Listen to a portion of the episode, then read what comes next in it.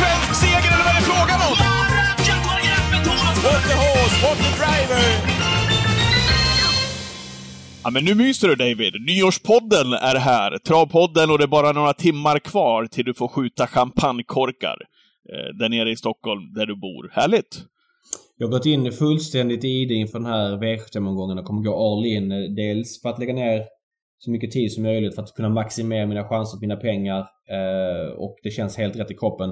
Jag känner när jag gör det här, på, för det, det blir en nivå extra när de här, när de här superpotterna. Och mina Ja, största travvinster har varit ja, men 2019 inför Bergsåker då när det var eh, också adderade samlade pengar och våren 2020 när det också samlade pengar. Så att det är ingen slump att det har kommit de två gångerna när man har lagt ner. Dels att såklart att extra pengarna gjort att utdelningen är högre men man har lagt ner mest tid inför. Och jag känner nu när jag liksom lagt så många timmar att, och kommer lägga ännu fler att fan varför gör jag inte det här oftare? Eh, Ja, men jag, jag vet vad du menar. Du levlar upp lite grann, men det tar också otrolig Det- tid. Alltså, man känner ju det också när man, när, när både som du och jag den här veckan, vi har ju messat till varandra här några gånger och, och skrivit Mm. att vi är, vi känner oss så otroligt pålästa inför den här omgången. Det tar ju tid också. Ja, det tar tid och menar, man har ett, en liten son, Bruno, som springer runt och så kräver sin uppmärksamhet och jag hade skulle lite koll på honom igår. Då rev han ner en lampa så bara small. Så det lät, lät Mm. som att någon smällde en Thunder King i rummet här och jag blev helt livrädd. Eh, och då var det... Ja, han tog det lugnt. Han blev lite rädd sådär men, men en glödlampa som smäller och sådär. Så att det finns liksom lite nackdelar med också. Vilket gör att man inte kan göra det varje vecka. Men oftare tycker jag ändå att man måste kunna lägga ner sig. Det kan ändå vara livsförändrande om det går lite stolpe in en sån här omgång. Eh, och en sån här omgång skulle ha kört på Axevalla. Det är flyttat, vi kan säga det redan nu. Eh, vi kommer ju foka väldigt mycket på V75 eh, ifrån Halmstad. Flyttat från Axevalla på grund av otjänlig bana ner till Halmstad. Eh, och då tänkte jag säga, okej, man, man drar ner tävlingarna söderöver där man också haft tjäle och det är risk för eh, smetig bana. Så jag kontaktade banmästaren där, Håkan B Johansson, och, och frågade om status där idag, när vi spelar in det här, alltså en torsdag, och vad han trodde då om möjligheten att få till en bra bana under fredagen när tävlingarna körs. Och då sa han det att jag tror att vi kommer fixa det, men det kommer att bli krävande. Eh, så att, ja, lurig bana kommer det bli i alla fall. Och det gillar Ja, du. men så, som det ska vara också. Jag menar den här omgången eh, har ju varit... mm, Nu vet jag att den gav väl typ 4,5 miljoner förra året. Men känslan är att den har varit svår varje år. Dels för att det har varit Axevalla med sitt geografiska läge. Dels för att det är de här propparna. Det är inte de vanliga V75-propparna. Lite svårare att jämföra hästarna. Det har varit fulla fält. Men det har varit lite halvkladdig bana och Axevallas långa upplopp. Nu blev vi av med det långa upploppet, flyttat till Halmstad. Det är såklart lite tråkigare. Ja, det blir inte återigen- samma sak riktigt när man Nej, har det blir inte riktigt samma sak. Nej. Nej. men så är det. Men det blir ändå nästan samma sak. Eh, kladdig bana, har inga problem med det när det är så här spelmässig omgång. Kladdig bana på Elitloppet, not so funny. Helt olika saker. Eh, jag tycker det här är, ska bli kul med kladdig bana. Det ökar också svårighetsgraden och Halmstad som har lite spetsbana-aura tappar ju den liksom grejen när det blir lite kladdigare. Ja, Så lite grann i alla fall. kul. Och så är, Ja. har de ju skickliga banmästare där också i Håkan B Johansson. De brukar ju kunna få till det där skapligt i alla fall. Ja men så är det. Sen Den ska det är inte vara liksom för mycket slump och sådär. Utan det ska fortfarande vara liksom eh, ja, skicklighetsmomentet ska väga över. Men Mm. gärna lite halvtung sprunget, det har jag inget emot. Formen annars då, spelmässigt här över julen. Hur har julen varit för dig förresten? Vi, hade ju, vi har ju Eh, haft en veckas uppehåll här i podden. Ja, ja men trevlig jul. Bra reaktioner också på förra avsnittet där med Hail Mary. Eh, det var väldigt mycket reaktioner Ja, väldigt. eh, på den. Mm. På den flytten. Eh, nej men det har varit bra. Ganska lugnt. Jag är i Skåne över jul två dagar bara. Annars inget speciellt. Spelformen, eh, ja men annandagen var väl okej. Jag spikade Art Brown på typ de flesta systemen. Han var väl trea, satt fast med rubbet där. Mm. Det var ju också Eh, med i leken att han kunde bli fast. Men jag tyckte ändå till under 20% att det var värt att chansa. Men du däremot, du har stekhet spelform. Ja, men faktiskt. Det, och det där är märkligt för att um, jag sa det här till några polare som, vi, som jag spelar V75 med, att det där är märkligt för den kommer ofta, spelform, det, det låter ju hemskt ju när den kommer bara runt jul och, ny, jul och nyår varje år, för då blir det tunga övriga 11 månader eh, spelmässigt. Men eh, det brukar bli bra eh, det brukar bli bra eh, inkomster på spelet eh, under jul och nyår. Varför vet jag inte. Eh, Kanske men någonstans du- att jag hittar någon form av harmoni i kroppen. Jag känner att det är lugn och ro runt omkring mig ofta. Ja men det är också ganska roliga lopp spelmässigt de här dagarna. Det har vi sett igår på Örebro, 4,5 miljoner. Det har varit bra utdelningar hela veckan. Eh, Det är ju såklart för att det är lite lägre klass. Propparna är lite annorlunda. De bästa hästarna är inte ute. Det är lite halvtunga förutsättningar utomhus ute och ja, sådär. Ja. Jag måste säga att jag fick faktiskt eh, nerv i systemet här på spel och kontoret när jag spikade emoji på det stora systemet och Ikaros Sisu inledde med spik, spik, visserligen på två favoriter, men gick ju på fyra hästar och gulddivisionen och fick ju total utkant då på systemet när Garrett när vann. Garrett Boko vann som 3% och så sitter med smet sen då i avdelning 4, 5, 6 och 7. Då är det ju verkligen läge. Då vet man att Ja, men det var ju liksom Ja, så här åtta hästar, tio hästar, nio hästar, typ elva hästar kvar. Ungefär så. Och så sitter man och vet att nu smäller det i utkanten nu. Det var inte långt borta från IS Elisabeth vann till exempel. Ja, ja, nå- någon längd sådär, men lite kant där så, ja, då hade det kunnat bli riktigt kul den dagen. Mm, vad fick ni den, den dagen? Så andra dagen? Nej, jag vet inte vad det blev till slut på totalt på 20 gav det systemet. 21, Ja, det 22 000. vart det Du fick väl 38 30 ribba tillbaks. Ja, Men du var ju också nära eh, på juldagen då det spik i sista och klev av där på Umeåker. Ja, målfoto tror jag att det var, va? Ja, det var det. MT Oberon hade jag spikat i sista avdelningen. Eh, spikade också Jan-Ove Olsens kallblod, Ängsbrage, tror jag att den hette. Eh, ta mig inte om jag har fel där. Men eh, då var det också fina pengar på gång med MT Oberon där i sista. Åker Mm. dit i absolut sista steget. Hade de kört undan där i sista sväng så hade det blivit seger där också. Så att jag känner att jag är där, David. Rent mentalt också. Det är viktigt här när man ska spela V75. Ja men verkligen. Mm. Eh, såklart. Ja. Så att, ja. Eh, annars hetaste potatisen just nu, innan vi går in på V75, ja det är ju snackisen såklart. Och här vill du veta att du vill gärna ägna ett, ett eget poddavsnitt åt det här eh, för att dissekera och höra båda sidor och så vidare. Men det är ju såklart eh, uppsittningsavgiften som vissa kuskar då har kommit ut och sagt att man ska börja med. Man har ju haft det tidigare åt eh, amatörtränare, nu ska man också starta upp det, ett gäng då, kuskar åt även proffstränare. Vad, vad, du, vad står det på för fot i den här debatten som det ändå har blivit? Ja, men det är mycket intressant eh, debatt och jag har pratat med flera av de berörda kuskarna. Och Ja, du äger ju hästar själv också. Ja, äger hästar själv också. Det är klart att jag förstår de här kuskarna, hur de resonerar. Jag tycker det är liksom, ja, jag jag känner spontant, eh, testa, så får man se vad marknaden eh, säger. Till exempel, jag äger ju Oliver P. Hill hos, eh, eh, som Jennifer Persson tränar nu. Han startade igår på Örebro. Just det. Eh, eh, Han fick för övrigt en, han, fick- han, fick en, han fick en jobbig resa där. Ja, men han var stekhet. Han har otur men det blir omstarter varje gång det ut på tiden. Så han blir stekhet och lägger bort mycket kraft där liksom. Så att, eh, ja, sen är den kanske inte riktigt han ska vara kapacitetsmässigt. Riktigt än. Vi får se om han kommer tillbaks. Ja, och utvändigt ledaren och allt det där. Han blev, Ja, han blev nej. kall. och- Ja. ja, men han blir Förståeligt kall. Eh, ja, ja. Och det, det är ingen fara. Men eh, då är det så här. Eh, det här ska gälla eventuellt från 1 februari och Oliver Pihl är en svårkörd häst som liksom man vill ha någon av de här bästa på.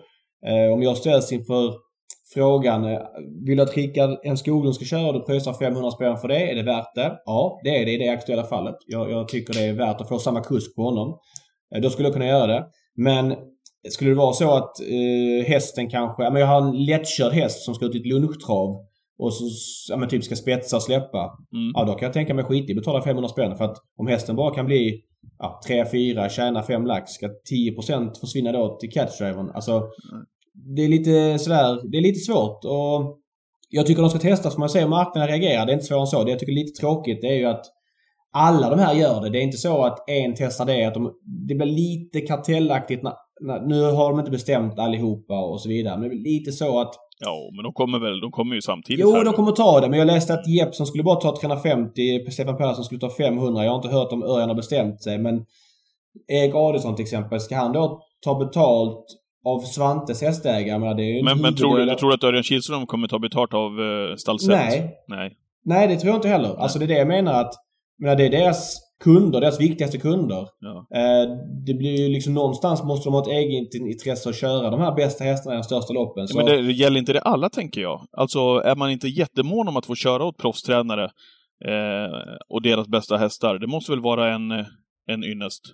Ja, tror du Rickard den skolan kommer säga till Berg, jag jag vill ha 500 spänn för Eller Joakim hästar." Elving, som vi ska prata med lite senare här. Nej, bra exempel. Nej, det är jättestökigt där. Men att säga att du har häst i proffsträning hos, eh, men säg en tränare som Stefan P Pettersson och han har två hästar ut en tävlingsdag. Nej, förlåt. Eh, ta Johan Untersteiner och Ja. häst hos honom och så har han två hästar ut. Så kör han en själv.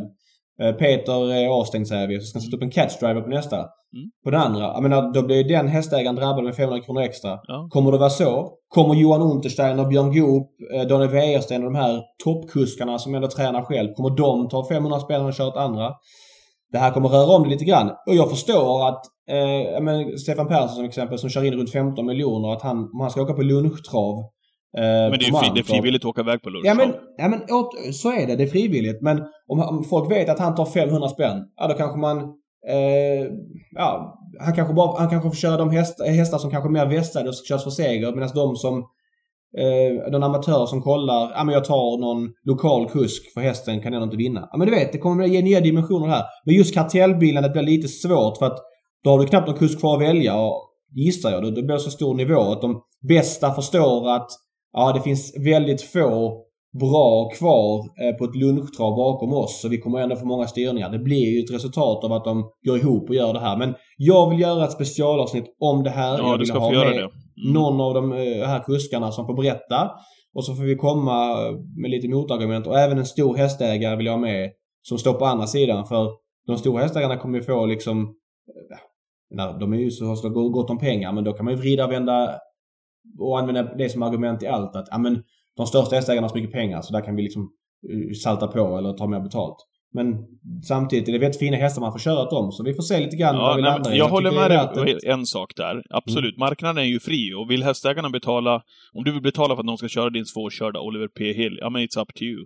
Mm. Ehm, eh, och är det rätt prissättning och marknaden säger att eh, hästägarna betalar, ja men helt rätt.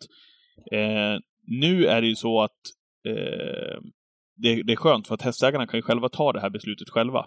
Jag skulle aldrig falla mig mm. in och betala de här summorna till, till någon catchdriver som hoppar upp när jag redan betalar så mycket pengar till proffstränarna varje månad. Ja, men... eh, och de har redan eh, provision på inkörda pengar.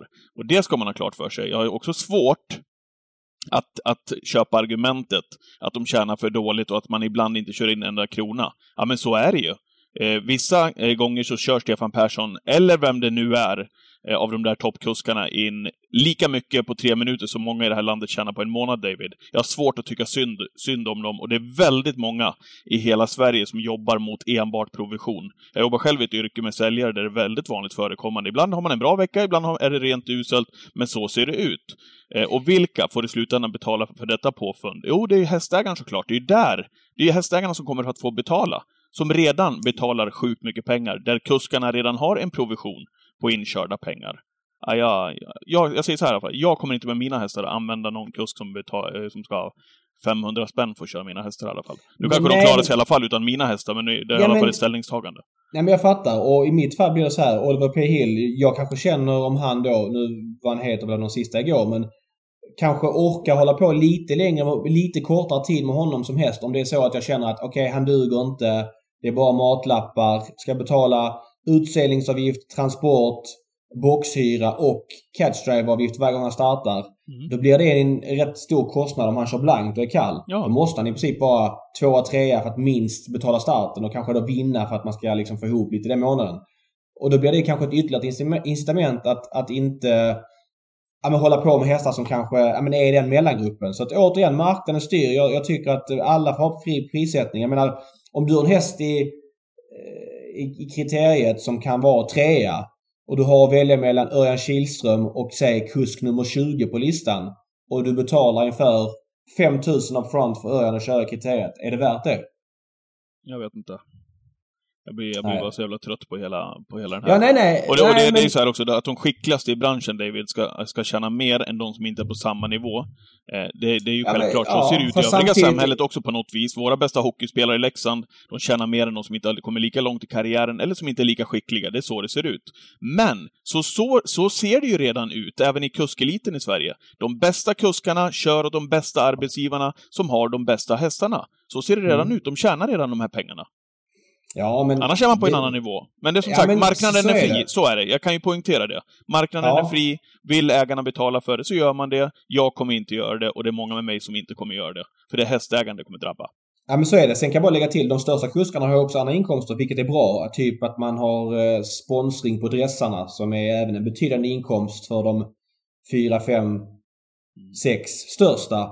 Eh, vilket såklart eh, ja men det är klart att de ska tjäna pengar. Eh, är du bra på en sport, är ja, du, heter absolut. du Örjan Kihlström ja. och är, äh, gör så få misstag i de stora loppen. Ja. Visst, nu kör han också bäst hästar. Ja. Men då tycker jag att det är klart att han ska tjäna pengar. Eller Erik Adelsson, eller Björn Goop och så vidare. Men jag landar också i att, ja, hur många catchdriver finns det plats till på den här listan? Finns det åtta som kan klara sig? Finns det tio? Finns det tolv? Jag har hört deras argument. Jag kommer inte dra dem nu utan det får de själv säga ja. då förhoppningsvis ja. i nästa avsnitt. Så får vi prata och resonera om det här. Mm. Och se hur det landar. Mm. Men ja, nej. Det är, det är intressant. Um, Finns det men problemet, jävligt problemet, hårt i den här branschen. Vi sitter alla på samma ja, gren någonstans. Hästskötarna som ska, borde ha höjt sina arvoden för länge sedan. När de ska iväg på tävlingar en kväll, kommer hem mitt i natten, går upp tidigt på morgonen. Eh, ja, det är väl kanske, de kanske ska, de kanske ska ha mer pengar. Då skulle ja, arbetsgivaren förmodligen säga, du, du får nog söka dig någon annanstans, för det funkar inte. Så tror jag att det men, även kan bli med kuskarna som men, efter men, men, fråga till dig där då som inte vill betala de här. Uh, nu ifrågasätter inte jag, jag bara undrar så här. Om du landar i ett läge, uh, alltså om, om de kuskarna du tänker dig anlita nu som inte tar 500 spänn också börjar ta 500 spänn så att till slut så måste du betala 500 spänn för en kusk för det finns så få kuskar kvar. Ja, och då... då om du hamnar i det läget då? Ja, det, det vore ju hemskt för att någonstans är ju smärtgränsen, tror jag, för många hästägare.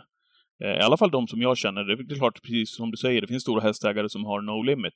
Men eh, för väldigt många så är ju liksom, bägaren är ju rätt full just nu. Och det är klart, måste, kommer det ytterligare fasta avgifter när du ska starta? Du har ju redan, som du, precis som du sa, du har ju utställningsavgifter, du har ju eh, boxhyra, du har resa, Transport, du har ja, traktamenten hit och dit. Och ska det ytterligare på en fast summa och precis som du säger, kör blankt, ja men då vet jag inte hur många som skulle palla med och hålla på med det här. Och Nej. då har de inga hästar alls att köra framöver. Nej, framförallt de här hästarna som är lite sämre. Eh, de kommer ju kosta mer. Menar, Eh, att äga Don Fanucci set och, och, mm. och eh, kusken tar 500 per gång han kör. Mm.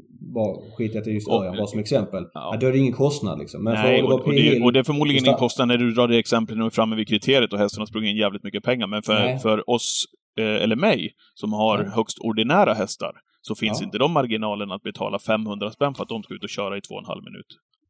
Nej, men eh, nej, så är det. Mm. Uh, nej, jag tycker att uh, diskussionen är intressant och det är ingen mänsklig rättighet att vara catchdriver. Det som Stefan Persson sa själv i TV. Men är det så att inte jag får tillräckligt mycket uppsättningar, då får jag börja sko eller träna hästen och så vidare. Och det tycker jag är en nykter syn på det hela liksom. Att man är mm. open-minded för hur det, hur det här kan, hur det här kommer landa. Ja.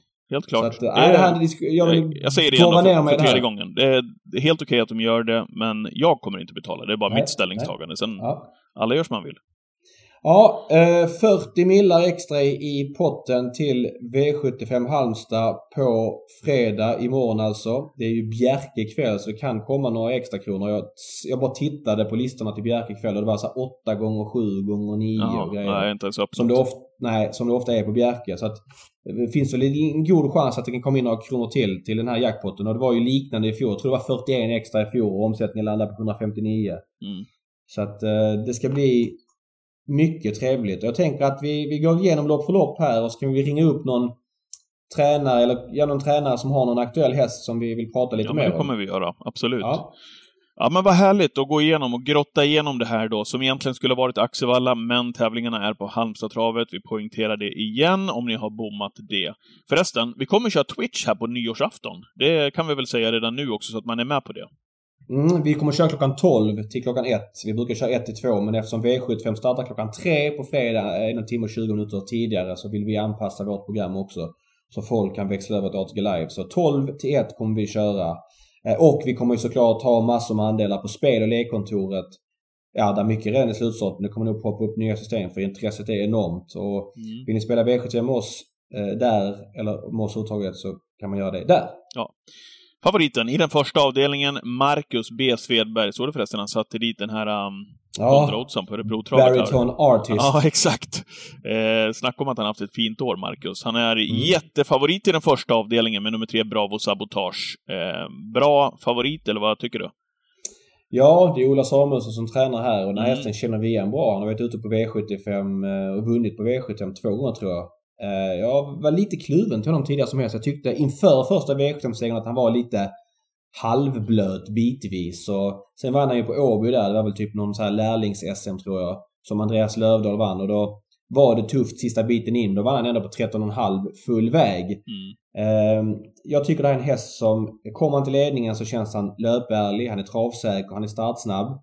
Eh, skulle han få typ dödens eller dra tåget först i tredje, då är han väldigt sårbar. Och eh, det känns som att han inte vill göra för mycket jobb.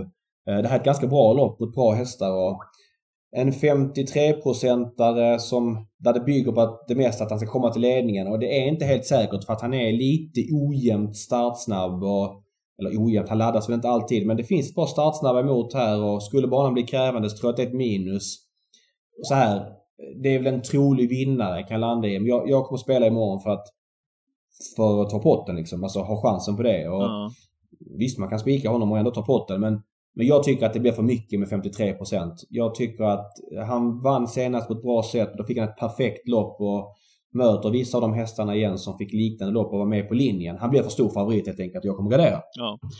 Gillar eh, Rollercoaster Ås. Bike på den här gången också. Eh, spelar på 12% Vad tror du om Rollercoaster Ås?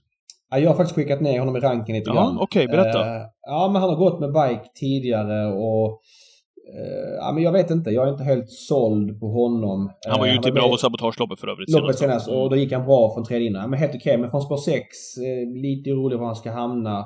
Jag tycker inte att han har så mycket större, större segerchans än till exempel Leon Zon. Som är spelad till, till 2%. Så att Rollercoaster Ås, ja. Jag betalar för honom men han skickas ner en bit i ranken liksom. Mm. jag vill varna mest och betala mest för 7 Cassiopeia. Alltså den här hästen är ju, det är en sån här yrväder till stor som verkar kunna hur mycket som helst vissa dagar och sen när hon inte pallar så bara lägger ner rörelsen. För två starter sen var hon ju otroligt bra på eh, Åby när Jörgen Sjunnesson körde till i en stenhård öppning. Det var väl 06 öppning. Han bara sänder iväg, kommer till ledningen och håller hela vägen in. Mm. Eh, mot bra hästar. Eh, senast eh, var hon ute på Jägersro eh, och då gick hon bra som tvåa med skor. Jag tror hon gick 09,5 sista 500. Då gick hon en bra repa i tredje spår. Skulle hon sitta bra på det så tror jag att hon kan avsluta riktigt vasst. Det kan också bli pannkaka att hon inte funkar. Men det låter från tränarhåll som att man har siktat på den här uppgiften. Eh, man har medvetet inte startat inför det här. Eh, för att man då skulle gå ur det här loppet. Har tjänat 663 eller 675. Så jag tror att man kommer med, med, med en häst som är liksom i ordning. Och 7% tycker jag känns lågt. Den måste jag betala tid för. Mm.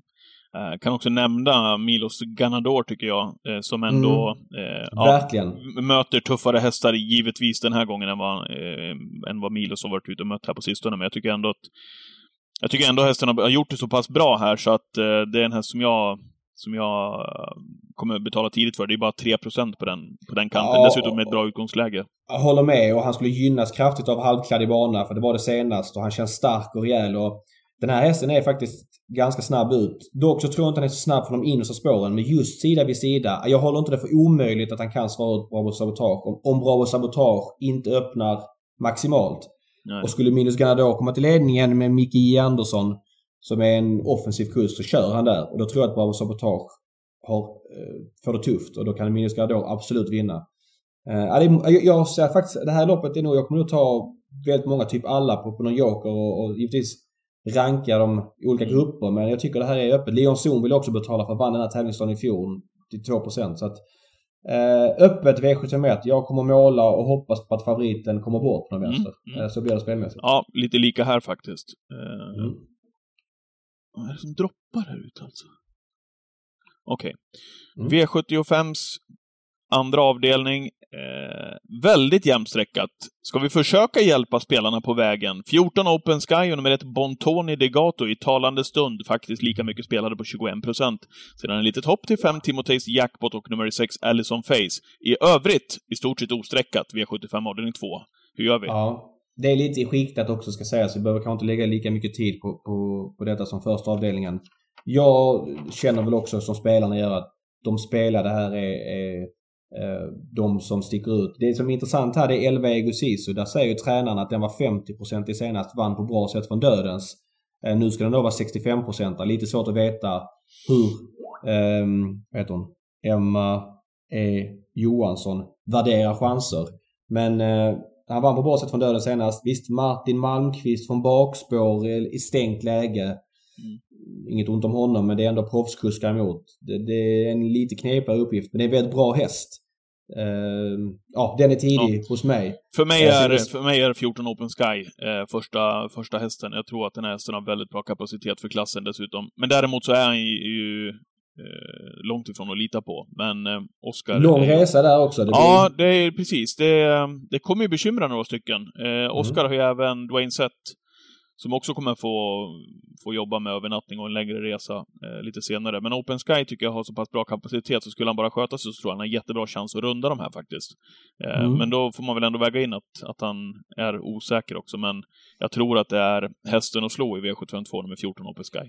Eh, jag gillar även 5 Timothys Jackpot eh, som har gjort två starter för eh, Ulf Stenström och nu har fått tuffa lopp men gått väldigt bra båda gångerna. Det är klart att spår 5 i, i voltstart är lite tveksamt men det känns ändå som att han är förnuftig och Nej, skulle han slippa liksom dödens resor som han har fått på slutet, eller tuffa resor som han har fått på slutet, så ja, men det känns också som att han är kapabel och 15% Jag vet inte. Jag, jag tycker att det känns, den här ettan, Montoni Degato är också en vettig häst. Jag har ingen skräll här som jag liksom har feeling för i nuläget, det kan jag säga. Nej. Jag säga så. Ja, Open Sky tidigt för mig, jämnt där bakom. V75s tredje avdelning, 2640 meter. Här har vi omgångens bästa spik, säger jag, eh, faktiskt. Eh, utan, att, utan att darra på manschetten. Berätta. Ja, Chasing Neon Rainbow har jag följt hela karriären. Tror eh, inte han torskar det här faktiskt. Det, nej. Nej, det... Där är jag tydlig. Ja, det är ett ganska bra lopp faktiskt. Det finns eh, intressanta faktorer på flera hästar. jag vet att du, du, du gillar det här loppet. Du tycker att det är något bra emot här, så jag, får, ja, jag men, vet att jag får inte riktigt medhåll. Ja, men jag, jag har kollat igenom Chasing Neon Rainbow och ja, men, jag förstår också att han har bra chanser. Mm. Och det som väger, alltså att du har som feeling, det har jag jätterespekt för. Um, så jag säger inget om det.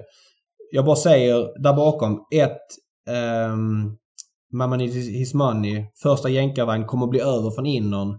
Men eh, en bra häst för klassen, tycker jag. Eh, har gjort det bra.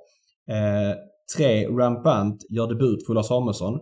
Skrivit med Dante Colgini, var Colginis tidigare. De säger att den har visat bra kapacitet flera gånger tidigare. Är kastrerad nu. Mm. Dock mässar lite med Ola och han ligger halvlågt och det gör han även i intervjuer. Han tycker väl att den här hästen är allmänt i ett lopp, Jägersro på onsdag också så risken är väl stor att han är bättre på onsdag men ganska snabb ut. Skulle kunna få rygg på ledande fyra Lampard och Erik Adolfsson i vagnen. Jag tycker ändå att den är intressant till låg procent vid gardering. Lampard ja. leder länge. Ja. ja jag, jag, har inte bestämt mig än där, men ja. jag hör vad du säger och respekt för det. Ja, och sen är det ju, jag kommer ju inte, jag tar ju inte ner månen. Han är ju 44 procent oh, så att det är ju, det är ju inte så jävla mycket att Ja, men, men det, var, det är mitt ställningstagande. Vi gör så här istället, eh, eh, David. Ringer upp Jocke Elving och, och hör vad han säger om Chasing Neon Rainbow. Yes. Mm, kul att få senaste nytt här på Chasing Neon Rainbow. Tjena Jocke! Hallå då! Hur är läget? Det är bara bra. Mer Härligt. också. Ja, men jag tycker det. Eh, vi, är, eh, vi är dundertaggade här. Vi håller på att gå igenom V75 här från... Ja, men Axevalla var ju tanken, men det är Halmstad som gäller. Eh, vad känner du David, eh, på, på Jockes fråga? Ja, jag känner att det är bra allting. Faktiskt intressant nu för jag slog upp vilka Jockes kommande hästar var. Det var, en fråga ja. som slog mig. Vi pratade tidigare i podden om det här med catchdrivernas avgifter. Jag vet att Jocke använder Dwight Peters en del. Kommer han ta 500 kronor också? Vet du det? Han är ju lärling hos mig så att eh, okay. det kommer han inte göra. Det kommer han inte göra. Eh, hur... Det är ju hästägarna det här kommer drabba främst. Vad är din syn på det här? Har du någon uppfattning? Eh, ja, alltså jag är väl skeptisk till det. det. Det är väl helt klart. Jag förstår egentligen inte riktigt eh, eh varför det kommer. Eh, jag tycker de, de är nu då som har gått ut och sagt att de ska ta eh, den här avgiften, de kör ju bra mycket med lopp. Eh, de plumpar vissa dagar och de kör in väldigt mycket pengar andra dagar.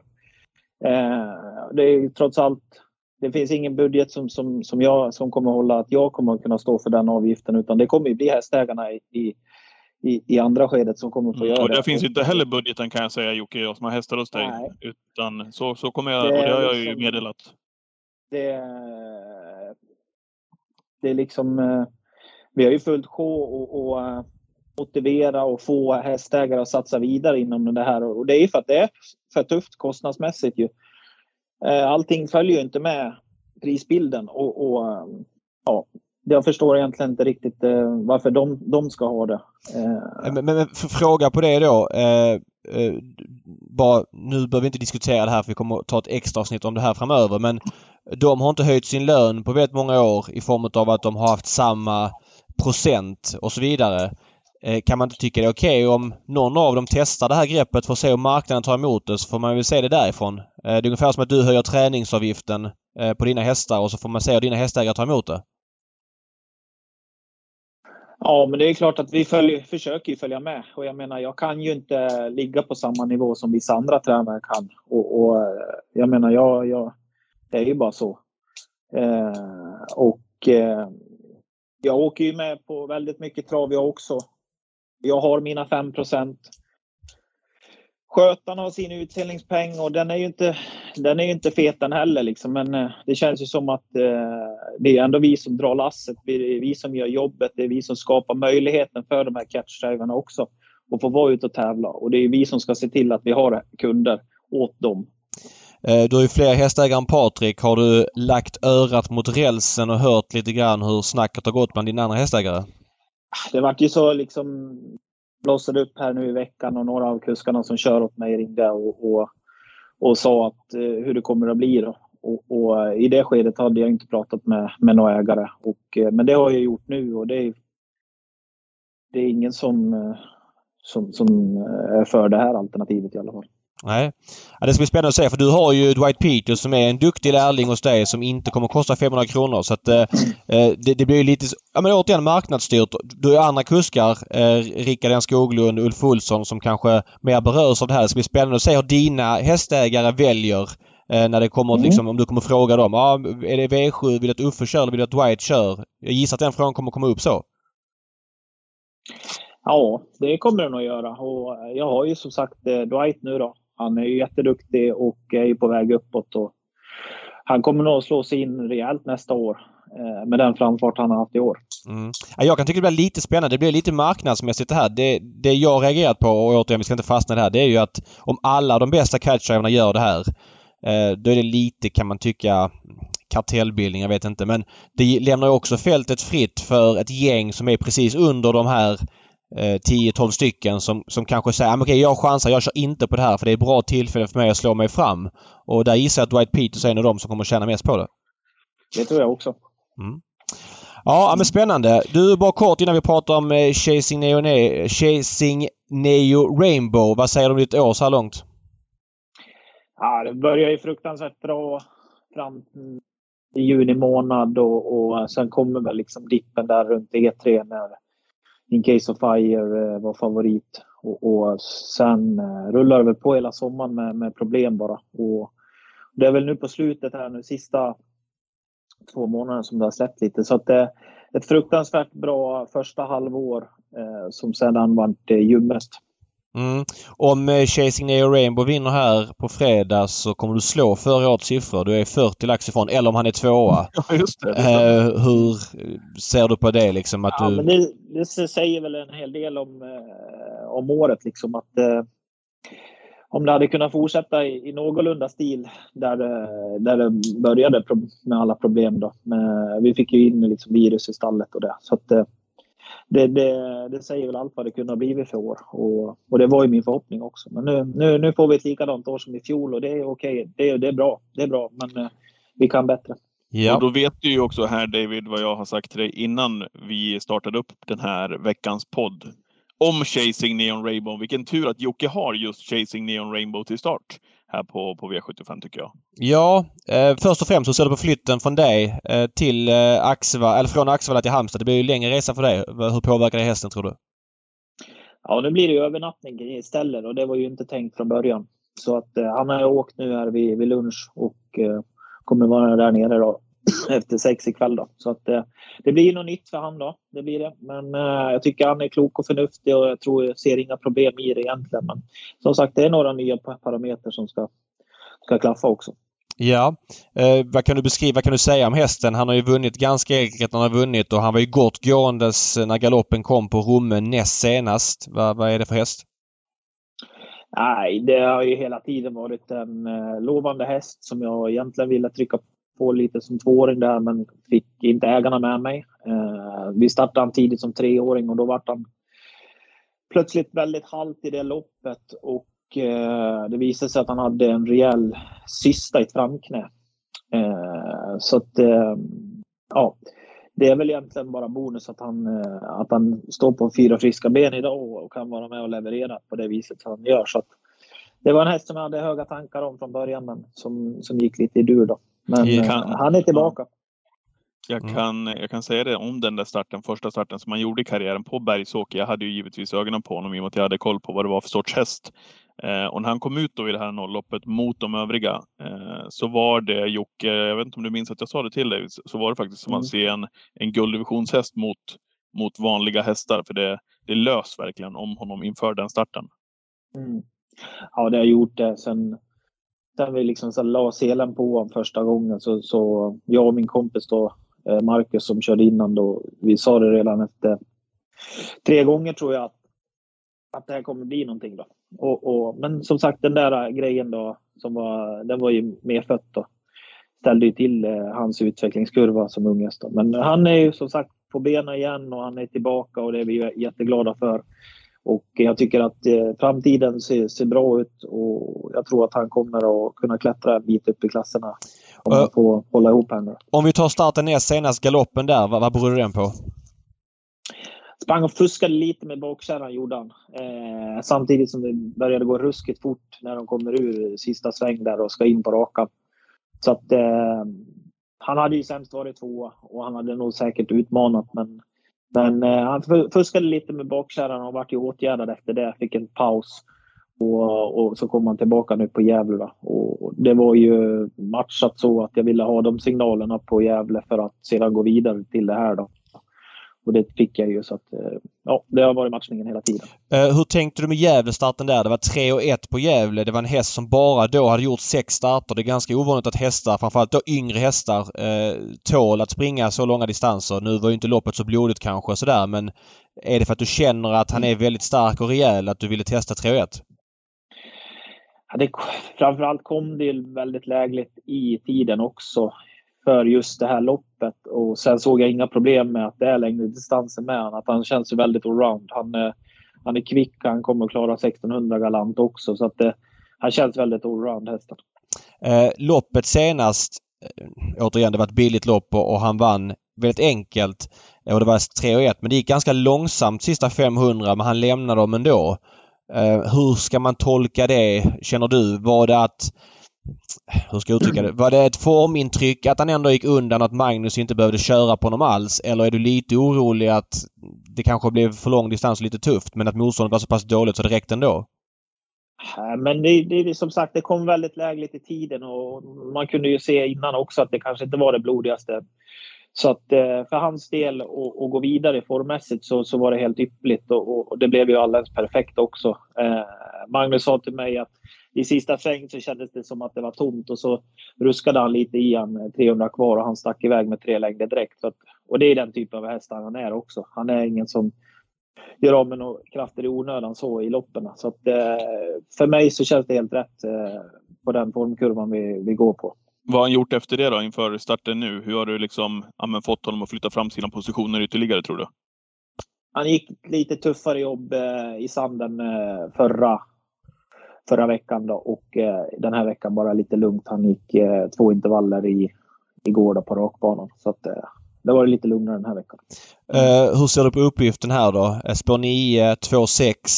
Uh, kan du tänka dig att Rickard vill köra framåt tidigt? Det är ganska bra hästar emot faktiskt. Uh, nej men alltså läget tycker jag är bra.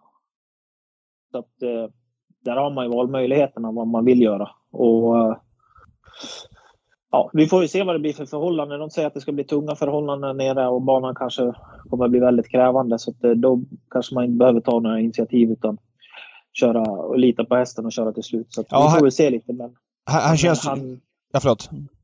Ja, han, som sagt, eh, han klarar nog av det mesta. Om man vill, vill köra ledning eller dödens eller köra bakifrån så det beror nog på lite hur loppet blir kört. Han känns ju väldigt stark och han har den aktionen som är lite flack som borde gynnas, nu gissar jag lite grann, men borde gynnas av lite kladdig bana. Är det din känsla också? Ja, alltså han fixade ju väldigt bra uppe på Umeå för det var ju ändå rätt sugande bana där uppe. Han mm. vann på någon 15 tid eh, volt helt ensam. Så att eh, ja, han fixade, han fixade det där då så att jag tror inte det ska vara något negativt. Mm. Ja men jättebra. Ja, um, verkligen. Um, ska, ska, vi, ska vi runda någonstans med, med Chasing Neon Rainbow här Jocke? Jag vet att du är en ganska försiktig general, men om du inte hade haft det här häxet liksom med, med, med honom och fått börja om och liksom utan det här strulet, vart, vart hade du sett, eller vart såg du Chasing Neon Rainbow i, i hans karriär, eller vart ser du honom nu? Jag tror säkert att han hade varit med och huggit lite i något unghästlopp. Det tror jag absolut han hade. Det, det var en fruktansvärt fin häst som tvååring. Så att eh, det tror jag är nog det bästa jag haft i alla fall som tvååring. Okej. Okay. Ja. Så det är en optimistisk ja. Jocke Elving som skickar ner hästen till Halmstad för att slå förra årets tränarsiffror? Ja, precis. Nej, men eh, det Neo har gjort hittills eh, har inte, han har gjort allting rätt. Och han, han har ju aldrig varit sämre än tvåa när han har stått på benen. Så att jag vet att hästen kommer göra vad han kan och, och så får vi se hur långt det räcker. Men som sagt, jag tror att han är långt fram och krigar. Mm. Mm. Ja, jättebra Jocke! Ja, eh, verkligen. Stort tack! Lycka till imorgon! Hoppas du slår siffrorna. Eh, det är ändå viktigt ja. att komma in i det inför 2022. Eh, Jajamän. Gott nytt år på dig så hörs vi! Tack detsamma! Toppen! Tack, tack! Hej, hej, hej, hej! Ja, jag, jag, får ändå den här känslan, eh, som jag sa tidigare, att jag tror Chasing Neon Rainbow löser det här. Jag tror han gör det ganska komfortabelt dessutom, David. Vad, vad får du för känsla? Eh, ja, nej men jag tycker väl att han låter optimistisk Jocke och att det finns mycket i den här hästen. Jag vet inte, jag blir lite, det, det som oroar mig lite grann det är det här han sa om att Magnus sa i sista sväng att han kändes liksom kall hästen. Var det visserligen 3 och 1, det hade inte startat på ett tag. Eh, men så var han ju inte kall för att nej, det fanns ju lite den ruska i honom. Han känns ju, han skulle vara gynnad nog tror jag av, av kladdig bana och nog komma fram i dödens enkelt så tror jag att han kanske har bra chans. Ja. Jag har inte bestämt mig vad jag ska göra men helt klart rätt favorit och jag observerar din optimism. Mm. V Eller notera kanske. Ja, absolut. V75s fjärde avdelning då, vad, vad har du för tankar kring den stora favoriten eh, I Can Steal? Jag kan, väl, jag kan börja förresten. Eh, med mm. tanke på att jag fick se hästen, eller sett hästen här på Romme de två senaste starterna. Eh, och såg eh, redan i, i värmningen vad det var för häst. Det ser man ganska så tydligt när de kommer ut, när de är i den här klassen och hur, hur de ser ut och allt det där. Eh, och han såg lika fin ut i loppet som han var innan loppet också. Pratade med Niklas Westerholm efter eh, racet, som också berättade att det är en häst med eh, ja, bättre resurser än vad han är inne i nu i, i den här klassen. Och han har vunnit hur lätt som helst. Eh, från ledningen i de här två starterna här för, eh, eller i de här starterna, så att ja, jag tror att han fixar det här igen. Tråkigt, 54 procent. Eh, ledningen de två senaste starterna kommer laddas framåt igen. Vann ju bakifrån eh, där i, i, på Eskilstuna. Eh, första starten där. Men eh, jag tror han vinner det här. Jag tror att han löser det. Jag tror att han är för bra för de här hästarna helt enkelt. Finns risk att det är så. Uh, han kommer nog bort. Jag tror ingen invändigt vill svara och jag tror att han bara gasar till ledningen. Det är en sån häst som, som kan gå. Mm. Sen är det ju, ja den här Squanto är bra och den har ju gått liksom rejäla tider och skulle den sitta bra på det. Det är mycket tuffare mot nu för Akan Steel. Men känslan är att han vann så enkelt senast.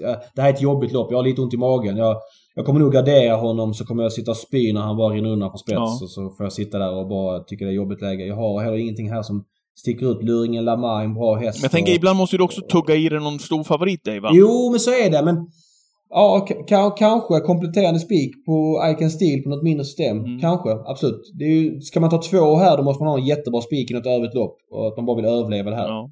Då kan man ju ta två, men, men äh, att ta två och spika typ Bravo Santana, då kan man hellre gå hem och lägga sig och käka en banan äh, istället. För att äh, okay. det blir kallt. V75s femte avdelning då. favoriten ifrån innerspår här, Twinkle Face. lite smålurigt kanske. Två strykningar nu. Eh, tre Vanaboko och nio Welk strukna. Det gynnar ju framförallt 10 Chablis Riv som kommer ner attack i banan och har två hästar mindre att runda. Mm. Vad fin hon eh, är. Det är full väg. Ja, och det var full väg nu känns också som ett... Jag ska inte säga, men jo men det är klart att det är bättre för henne med full väg och, och spara 9 än 1600. Ja, hon känns allround äh, tycker jag. Ja, och hon fick ett bra lopp senast men hon kan nog också göra lite på vägen. Nej, hon, hon var lite kall för mig först med, med 12 hästar hon var ändå liksom ospelad senast och ska mot liknande hästar helt plötsligt vara mer spelad. Men, men när det blir de här strykningarna så känns det som att hon gynnas mycket. Ja. Jag och, och bra rygg sex... nu på Betting Pacer har hon ju i och med att hon är nerstruken till Welt. Det ska man ju ändå lägga till tycker jag. Ja, eh, Florist var ju helt otrolig senast. Alltså den har ju varit livlös hela året i, i de här... Mm, efter att ha startat eh, karriären så fint. Ja, kulltoppsloppen. Men alltså 11 och 3 från döden senast. Eh, det var ju ändå ja. någonting som inte hon har gjort tidigare. Ja, back in business, verkligen. Mm. Uh, och sen så Twinkle Face, hon är ju ojämn men ja, startsnabb och jag vet inte om hon kan hålla ut Betting Pacer. Hon vann ju väldigt enkelt över 2,6 senast. Det känns som det var en nivå till i Twinkle Face. Och var det inte ett jättedrag på den här Ini, mini, mini, mo. Ja, exakt. Uh, Klassiker. Vinner, vinner efteråt istället. Jo, det var jättesurr om den i den senaste ja. starten. Kanske blev väl tufft då, men eh, det brukar ju vara så. Nerstuken också, ytterligare tack med ett bra läge. Mm. Så att, men den är, den är också spelad. Eh, mm. Ja, V75s eh, ja, nej. sjätte avdelning, ja, vi lämnar nej, det där. Vi lämnar det där. Ja. Eh, mer kött ja, på benen V76. Ja, här var jag lite kluven först och kände att oj, här var det öppet. Men ju mer jag tittar på det så ju mer undrar jag om inte ett Hattusa spårar där runt om. Mm. Tell me. Nej, men kort och gott. Det är ändå debut i Ulf Stenströmers regi. Uh, hon, han, hon, Står hyfsat fint inne på pengarna också. Står fint inne på pengarna. Mm. Uh, Stenströmer hade nog, nog vässat för det här. Tilltänkt hemmaplan. Spår 1, hon är väldigt snabb ut i volten. Uh, visst skor, men hon gick väldigt bra med skor för tre starter sedan med Marcus Schön. I ett billigt lopp visserligen. Hon sköt till bra och då hade hon inte startat på ett år nästan. Mm. Stenströmer låg ju väldigt lågt men i det loppet hon ströks. Men den här uppgiften ser ut som den hon hade senast och ja, jag vet ja, inte. Jag har ingen feeling. Mm. Uh, ja, jag har ingen feeling. Jag har feeling att de spetsar. Sen så de där bak som är spelade har inte riktigt övertygat med skor och sådär. Jag vet inte om hon är så mycket sämre än dem om jag ska vara ärlig. Uh, jag mm var med faktiskt Expressens podd här igår. Så du dissar henne. Ja. Folk kommer tro att man är dum i huvudet ju men... När du men, svänger om menar du? Mm. Ja men ju mer närmare start man kommer ju mer liksom känsla får man. Det är inte svårare än så. Mm. Nu vill de spela in onsdag morgon. Och, ja. ja. Då har man liksom inte riktigt samma koll liksom. Även om jag pluggar inför det så växer det på grejer och man... Ja. Jag hör vad du säger med Hattusa. Ehm, och nu, nu är hon faktiskt jämspelad här med Blue Frontline, eller hon är lite mindre spelad än Blue Frontline, mm. jämspelad med Platinum Tile. Platinum Tile som jag, ja du vet ju, jag gillar ju henne skarpt alltså. Jag tycker att hon är så, hon är så fin och får sina resor och när hon, när hon ehm, eh, får spara speeden och, och, och vissla till, förbi till slut. Kommer du ihåg när hon växlade ner Karisma Boko där på, mm, mm, på alla. Mm. Jag, gillar, jag gillar henne, så får hon sin resa. Det kan bli ett bra lopp härifrån ändå trots allt, så att eh, då, då kommer hennes speed bita bra. Men jag har respekt för det du säger om Hattusa. Det är viktigt för Hattusa att någon av framspårshästarna tar andra spår så att de här Blue Frontline inte får typ tredje utvändigt eller andra mm, utan så här, mm. för då kommer de nog kanske vara bra. Men Hattusa bara 18% nu. Jag kommer lyfta upp henne så kan jag säga. Ja. V75-avslutningen, då är vi inne på Sylvesterloppet med över en halv miljon till vinnaren. Eh, favorit är Gaylord Am. Vi gör så direkt innan vi snöar in i V757, för jag, jag har en take på det här loppet. Så, så mm. hör vi med Anders Eriksson vad han eh, tror om Gaylord Am och lite annat. Ja, välkommen till podden Anders. Tack så mycket. Eh, vi kommer att specificera oss här på Gaylord Dam som vi tycker är väldigt spännande här i V75-avslutningen. Men vi kan väl börja med att eh, du får göra en summering av ditt år som har gått här och kollar man till siffrorna så ser det ju väldigt bra ut, i alla fall eh, så så härifrån sidan. Vad känner du själv kring siffrorna och din träningsverksamhet så som det har sett ut under 2021?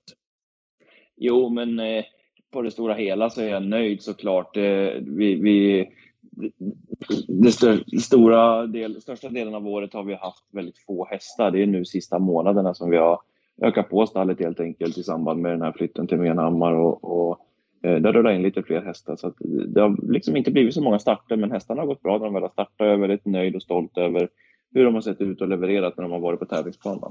Eh, hur du var på Sandemar hos Mårten Våge först va? Eh, och var väl typ privattränare åt stall Sofo som är Solvallas före VD Stefan Lundborg. Eh, ja, men, det stämmer. Men flyttade här under hösten till Menhammar. Ja, det stämmer. Hur kommer det sig att eh, ni flyttade och att du ville växa? Vad, vad hände? Nej, det var helt enkelt av den anledningen att jag ville växa och, och det var helt enkelt inte möjligt på Sandemar. Vi hade ett fåtal boxar, 9-10 stycken att röra oss på. Eh, Stefan hade ju, har ju fler hästar än så och jag fick en hel del förfrågningar från, från nya kunder som ville sätta häst i träning. Så att, eh, vi tog det här beslutet gemensamt, jag och Stefan, att eh, det, det, det, blir bra för alla att göra det här. Så, eh, ja, på den vägen är det. Kan, kan, kan väl ändå säga det, ursäkta, eh, att i fjol så blev det bara nio starter och kom igång sent som tränare i fjol. Nio starter, fyra segrar och en segerprocent på 44. Och i år 54 starter, 14 segrar, nio andra pris och sju tredje pris och en segerprocent på 26 och över 1,3 miljoner kronor inkörda. Så det är fina papper. Har vi det sagt också. Ja. Ja, men vi har fina hästar att jobba med också och de har fått, eh, de har fått tid på sig och de har varit väl förberedda när de har startat. Det, jag har verkligen fått fria händer och, och Stefan och Angelica har varit väldigt tålmodiga med att de är på samma plan som jag. De vill att hästarna ska vara väl förberedda och, och fräscha och fina när de startar och då, då blir det ju bra resultat också när man får jobba i lugn och ro. Mm. Eh, kan du, vad håller du till på Menhammar? Är det på yttersta också där Pasiaiki håller till eller hur funkar det? Ja, det är på yttersta. Vi delar gården här. Jag och Pasi har faktiskt kontor vägg i vägg så att eh, vi, vi jobbar ganska nära varandra. Okej, okay, och det får plats liksom? Alltså det är, ja. hur många boxar finns det på yttersta? Eh, det finns väl kanske ett 50-tal skulle jag tippa på. Det har väl minskat lite grann i boxantal sett hur det var för tio år sedan. Men, men samtidigt så har det blivit en uppfräschning av hela gården så att det är väldigt nya och fräscha stallar. Och eh, hela gården är i toppskick. Så att, eh, men säg att vi har ett 50, max 60 boxar här ute ungefär. Mm, Okej, okay. så du kan växa till hur mycket då? Hur många platser har du, eller boxar har du? Just nu har jag ett stall på 14 boxar och ett, eh, ungefär halva stallet bredvid här. Eh, plus att jag har några ettåringar ute på lösdrifter. Så att det, någonstans mellan 20 och 30 skulle jag tippa på att vi kommer ligga på. Jag är nyfiken på din eh, filosofi, Anders, eh, när jag sitter och tittar på dina hästar i värmning så jag tycker att de ser väldigt fina ut när de kommer ut och ofta eh, välmående hästar. Vad har du för filosofi när du ska, när du ska starta dina hästar? Nej, men det är just det. Eh, jag vill att de ska, de, de ska må bra, de ska, de ska vara väl förberedda. Det, jag, jag, tycker inte om att starta för startandets skull, utan jag vill känna själv att de, eh, de är i fas helt enkelt. De mår bra och de är rejält tränade inför en start. Så att det, eh, jag tycker inte om att starta bara, bara för att man ska åka på trav, utan jag, jag vill verkligen ha dem när de startar. Och sen, sen är det självklart att det blir fel ibland, att de inte är där man vill, men, men, men eh, jag, jag tränar hellre ett par gånger för mycket än ett par gånger för lite inför en start. Vi kommer att prata om dina bra hästar här, eh, Anders, och, och, i synnerhet då eh, alldeles strax Gaylord Dam som, som du startar här nu på nyårsafton. Men jag måste ändå få vidröra det, för jag, jag har gillat den här Global Blessing så pass mycket. Jag har följt, eh, följt Global Blessing på tävlingskarriären, tycker att det är så fin häst. Vart orolig här bara för några dagar sedan. Det var väl på Valla här när var det då? Eh, en vecka sedan ungefär, när du utgick där. Bara tog ut hästen ur fältet där. Det såg lite läskigt ut. Vad var det som hände? Hon, hon, jag tror, jag vet inte om du såg henne inför loppet i värmning och, och, och framförallt upp till bilen. Hon var, hon var inte sig lik. Hon, hon, kan vara, hon kan tända på lite grann ibland men ändå hålla sig på banan så att säga. Men den här gången upp till bilen så var det knappt reglerbart så att det var tur att bilen hann rulla iväg innan jag kom fram till den. Så jag, jag, tror helt enkelt att hon kvävdes det lite grann, eller tappade ja, luften okay. kan man säga, upp till bilen. För jag tyckte redan efter 400-500 meter att hon börjar, börjar slaka lite grann. Men, men eh, samtidigt har hon kunnat gjort så några gånger tidigare mitt i loppen och ändå gått hela vägen. Men nu kändes det, det kändes inte rätt 600 kvar så att det var det, för att vara snäll mot hästen bara så, så och ja, övriga deltagare i loppet så, så valde jag att flytta på mig helt enkelt. Du, när man är på yttersta, är det backen som är liksom det main thing när man tränar häst? Jag tycker det. Jag har ju jobbat här tidigare en gång, ett år, när Stefan Hultman var tränare här. Eh, så att jag kan ju gården eh, rätt så bra. Eh, kunde gården rätt så bra redan innan jag flyttade hit, vilket har varit en stor fördel.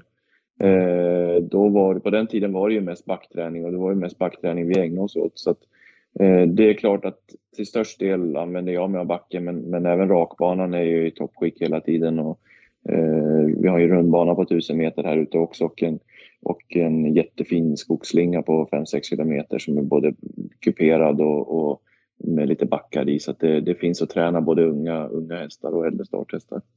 Okej. Okay. Spännande. Mm. Eh, vad, vad, har du för tankar om backträning? Det är ju lite delade meningar om det där. Eh, nu vet jag att back, alltså Hultman som tränar mycket backar, han har vunnit Prix Rico i Elitloppet och två derbyn och jag vet inte hur många kriterier och så vidare. Så att uppenbarligen så funkar det på vissa hästar. Vad säger du? Ja, jag håller med. Det, det, det, jag har inte ägnat mig så jättemycket åt backträning tidigare. Vi hade, vi hade det, i och för sig en, en backe på Sandemar, men en betydligt kortare backe än vad den här är. Eh, på Sandemar körde vi mest eh, sand rakbaneträning. Eh, nu har det blivit mer och mer backträning och jag tycker hästarna de verkar trivas där. Man har fått vara lite försiktig i början såklart när det blir väldigt nytt, nytt för dem så att man inte kör, kör för hårt i början och dels att de blir slitna och även less. Så att man, man, man får bygga upp dem lite grann i backen helt enkelt. Men jag, jag tycker vi har fått till det rätt så bra och eh, de känns bra för damhästarna. Mm. Men det man, det man, ska tänka på just med backträning, då, det, det var väl det frågan var. Ja. Det är väl att det, det, det är, liksom, det, det, är nog lätt att, att, köra för fort, att man tränar för hårt i en backe. Man ska tänka på att den här backen är drygt 700 meter och, och, det är en rejäl lutning på den inledningsvis. Att de är, efter 100 meter så är de uppe i, i över 200 puls redan. Så att då, då, ja, så att man, man, man, man planar ut resten av de här 600 meterna. Man, man liksom ökar inte på någon, någon nämnvärt efter utan det, det, det, jag tror att det är viktigt att man har en pulsmätare och klocka med sig när man kör i backen så att man inte tömmer hästarna för tidigt i, i, i den. Så att, eh, men eh, ja, man ser ju samtidigt också hur mycket den ger. Ja, jag har varit på det. Den backen är gigantisk på yttersta. Det måste vara en av Sveriges längsta träningsbackar. Den är brant också. Ja, den är ju det. Framförallt de här första 100 meterna, ja. vilket jag tycker är bra för att Eh, man behöver inte köra så fort då, utan man, det, liksom, du kan köra två minuters tempo upp för de första 100 meterna. De ligger ändå på 200 puls och sen kan du öka på lite grann såklart. Men, men eh, du behöver liksom inte och som, som du sa, backen är rätt så lång så du behöver liksom inte köra 35-40 och jaga på dem upp för en backe för att de ska hinna upp i puls. Utan mm de är i puls tidigt och sen gäller det bara att de ska hålla ut hela backen i stort sett. Ja, mycket spännande. Eh, innan vi pratar Gaylord bara någon fråga om det här med, eh, vi pratat lite grann kort om catchdrivernas Eh, kommande uppsittningsavgift. Eh, du är ju tränare eh, som också kör ett annat tränare. Eh, först och främst, vad är din syn på att de vill ta ut en uppsittningsavgift? Ja, jag har väl egentligen, jag, jag, tycker inte att det egentligen är något konstigt med det. Nu, nu ska man också komma ihåg att jag försörjer mig ju inte som, som lånekusk, som catchdriver, utan jag, jag, jag försörjer mig på de hästarna som jag tränar och kör. Eh, sen givetvis kör jag lite grann åt eh, åt andra tränare också, men det, det är mestadels amatörer och de, de har jag redan som alla andra tagit uppsittningsavgift ifrån. Och, Eh, jag kan förstå att det blir en diskussion bägge parter. Det, så blir det alltid när någonting blir, blir nytt. Liksom. Att det, det, det rör sig inte om jättemycket pengar men, men eh, såklart att det är negativt för de tränarna som inte kör själv. Men, men samtidigt så är det en stor, väldigt positivt för för eh, de här cashdriverna som åker, åker väldigt mycket och kör väldigt mycket. Så det är klart att det blir en, en mer ekonomisk trygghet för dem. Eh, du kör ju som jag sa åt andra tränare en hel del. Eh, kommer du ta en uppvisningsavgift?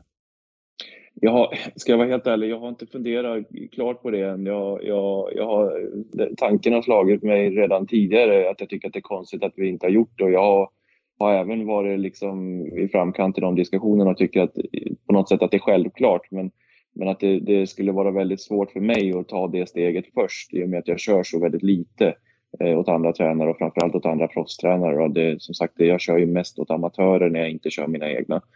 Eh, så att, och jag har ju liksom ingen fast, fast stortränarkund. Så att, eh, men, men givetvis om det här blir någonting som kommer att bli av så, så kommer jag ju också att eh, göra det. För jag, jag, tycker att det är rätt att göra det. det det är många gånger man har åkt på trav, framförallt när man var lärling och körde ett par lopp bara och man gick back helt enkelt på varenda resa man gjorde och det, det är inte hållbart i längden.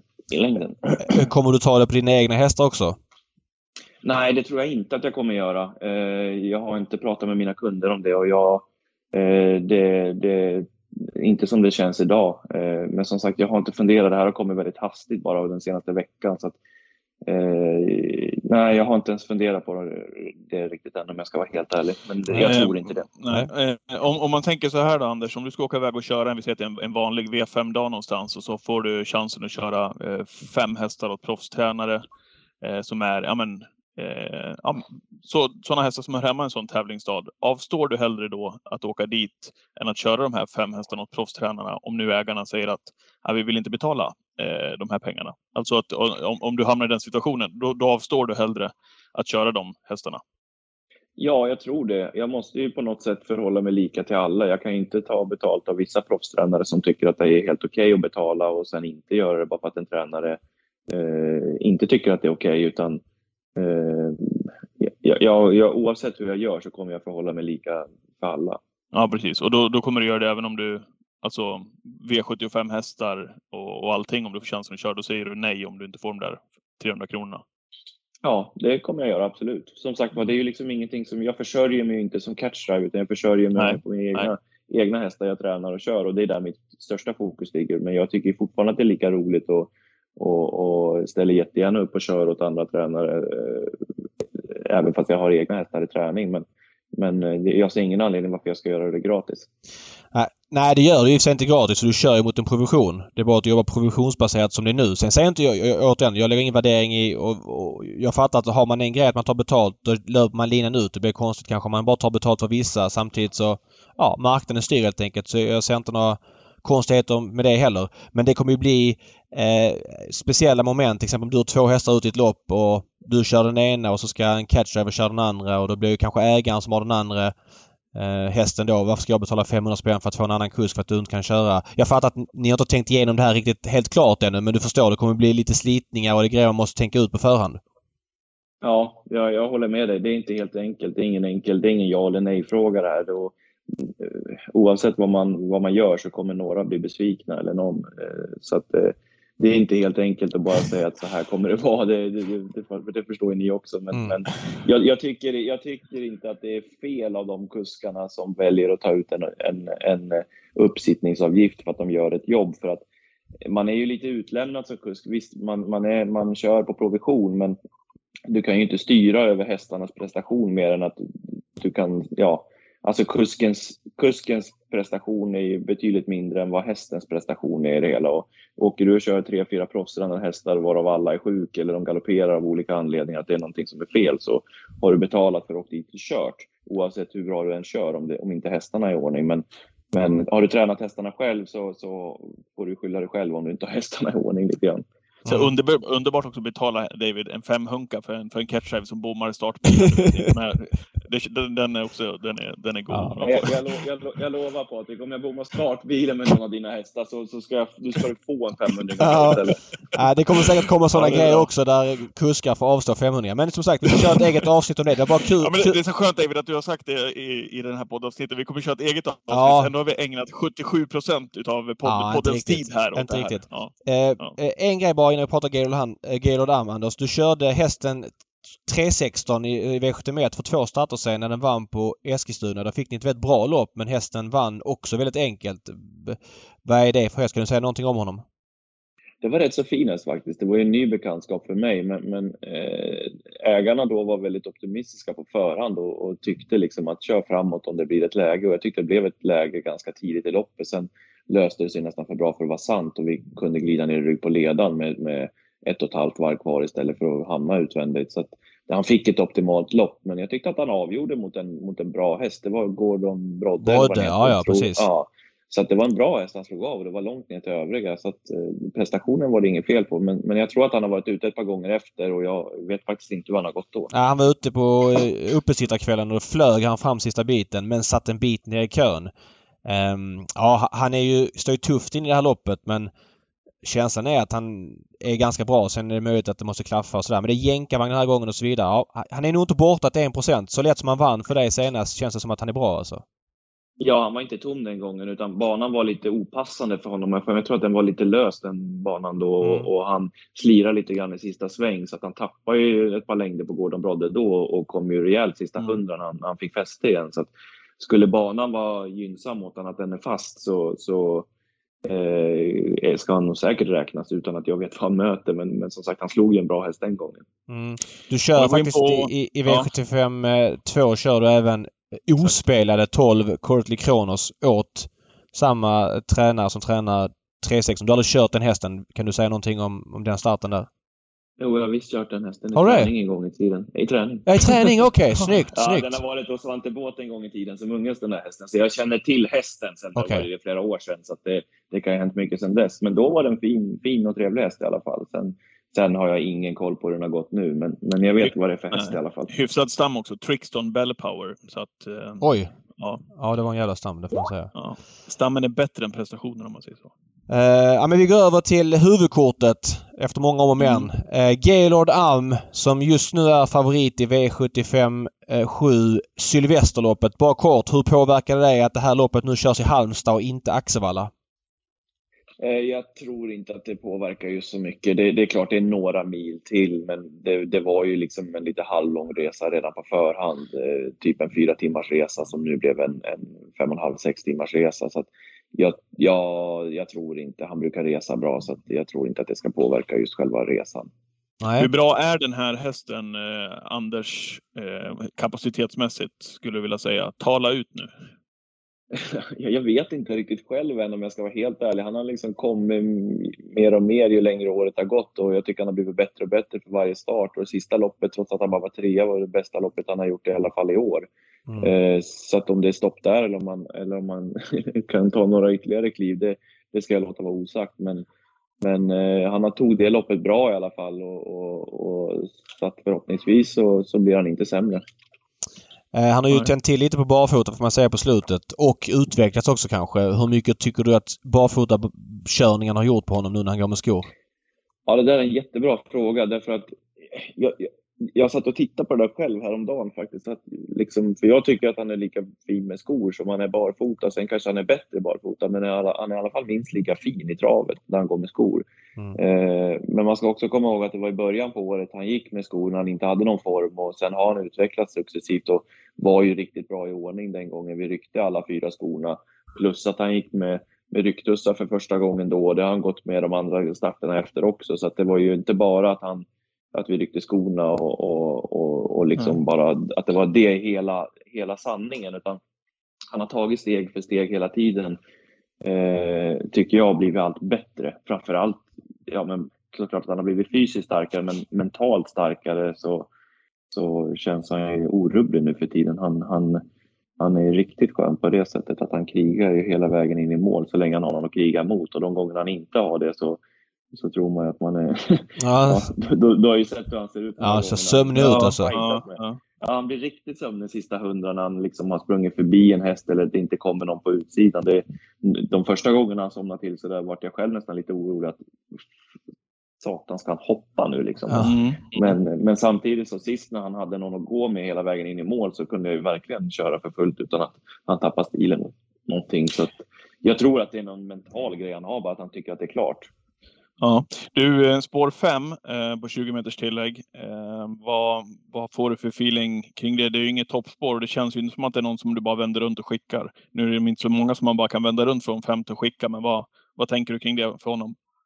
Nej, jag håller med om. Spår 5 var inte optimalt såklart. Han är ju en stor häst som är väldigt långlivad så alltså att det går ju liksom inte bara vänta på en femöring och kasta iväg honom. Men eh, han har varit så lugn nu på slutet tycker jag och eh, varit ute i några voltstartslopp över 3 och 1 och varit jättelugn och gått iväg stabilt. Så att jag, jag, tror att det, jag tror att det ska vara lugnt. Samtidigt som jag tror att det också var en liten fördel att det flyttades till Halmstad för banan är betydligt bredare på Halmstad än vad den är på Axvalla. Så att Eh, okay. Det borde vara lite lugnare med plats att vända från fem utan att man får springspårshästarna precis på frambenen. Jag måste säga det att näst senast på Eskilstuna då står du på tre volten men då var jag nedstruken till två och då var de andra hästarna väldigt tight på dig.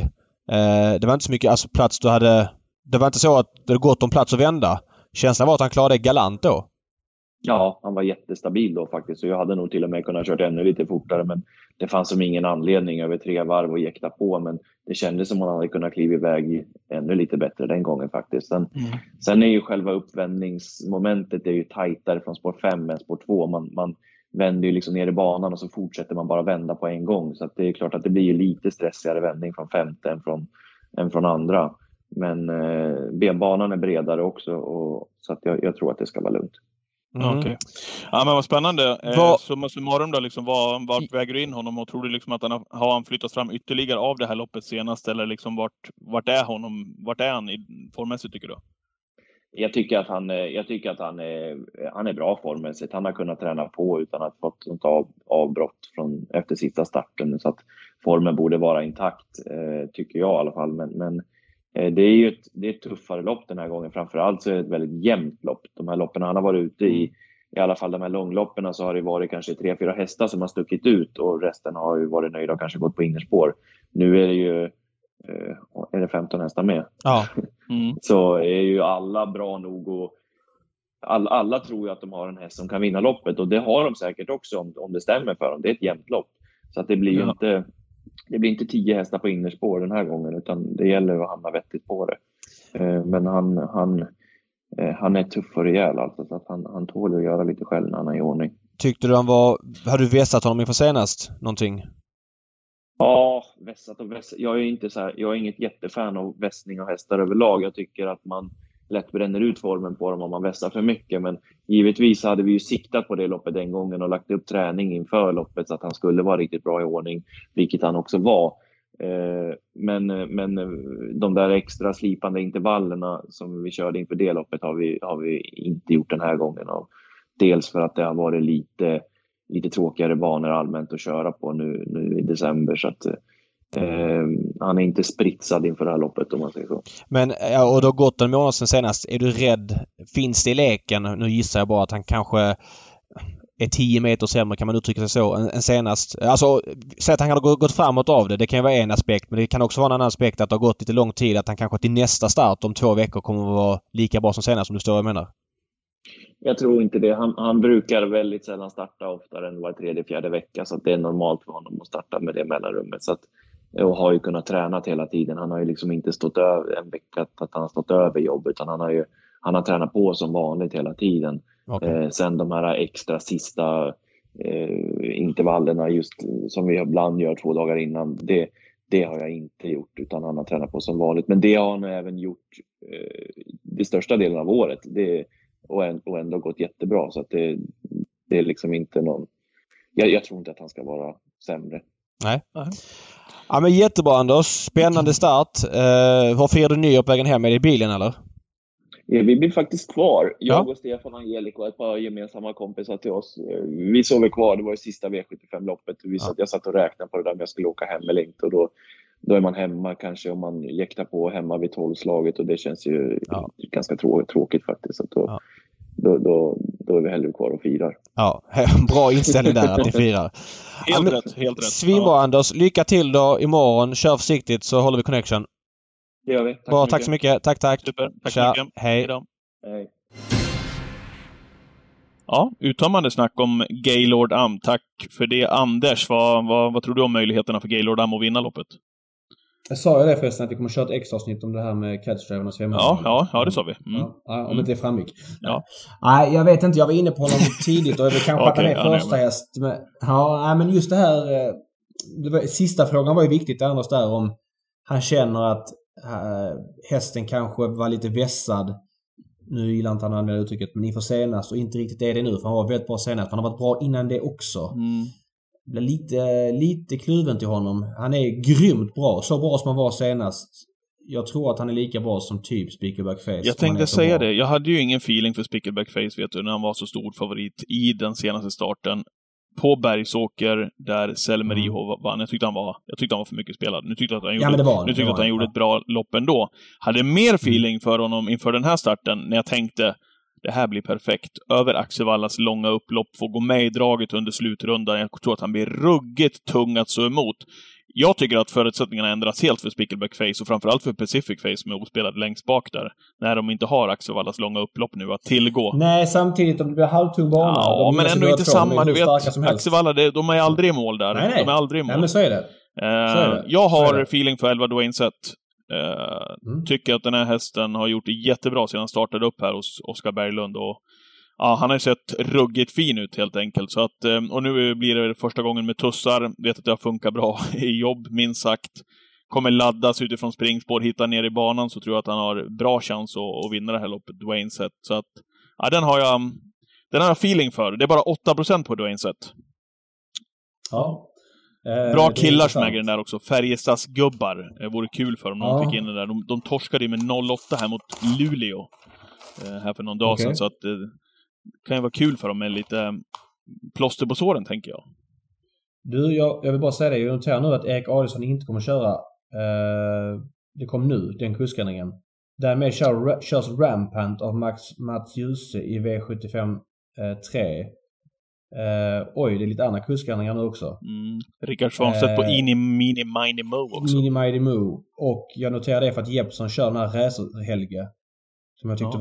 var eh, riktigt bra senast. D- Ja. Den, den vill jag ha med tidigt. 14% supersäkert. Men kommer ni ihåg Borups Tornado?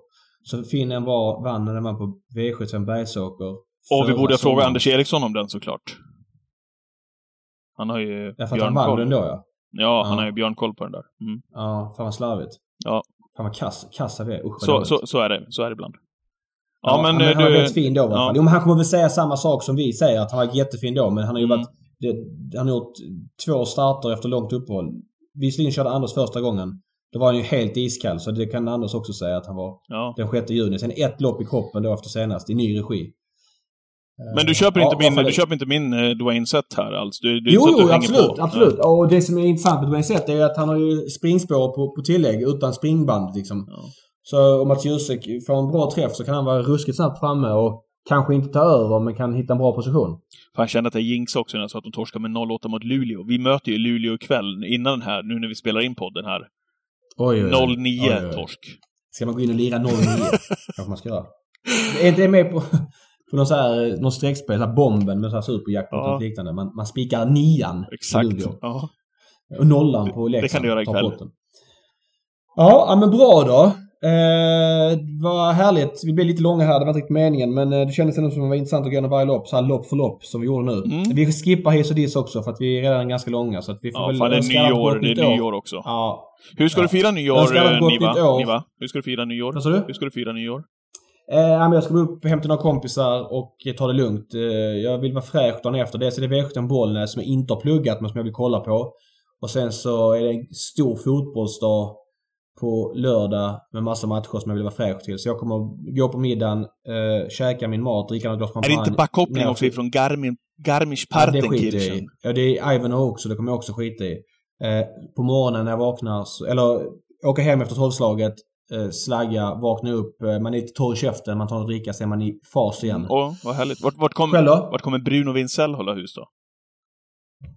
Ja, men Bruno ska, ska med oss liksom. Ja, vad trevligt. Ja. Nej, samma Ja. här. Vi ska vara Du- hemma hos några kompisar. Det är grannar här till oss. Eh, supermysigt. Ja. Eh, som vi firar med ofta, nyår. Det vet att Mm. man har traditioner, det är skönt. Alla vet vad de ska göra på ett ungefär. Eh, på Ja, klockslagen och sådär. Ja, jag Ja. tycker det är skönt med rutinerna. Och så får man följa V75 också såklart. Samtidigt som man står och det är huvudgrejen kan man säga. gör lite mat. Ja, ja, men vi tackar väl för oss va? Eh, önskar alla ett gott nytt år. Vi kommer vara tillbaks Mm. nästa vecka och så får vi se om vi får ihop den här podden om 500 Catchdrivernas provision. Det har vi lovat nu rätt kraftigt. Kan man säga att man har gått... Ha, har vi inte betat av det redan, känns det som? Nej, vi måste ha allas perspektiv Oj, oj, och de som eh, Mm. tar det här beslutet måste få uttala sig. Mm. Tack, tack, alla tack till alla som har eh, lyssnat. Tack till alla som har lyssnat under Ja. 2021. Precis. Vi hörs Eh, runt vi hörnet. tackar dem och så, ja, och så lyckar vi till på spelet imorgon Ja. och så hörs vi nästa vecka. Sköt om er! Ha det bra! Hej då! Hej! Hej hej!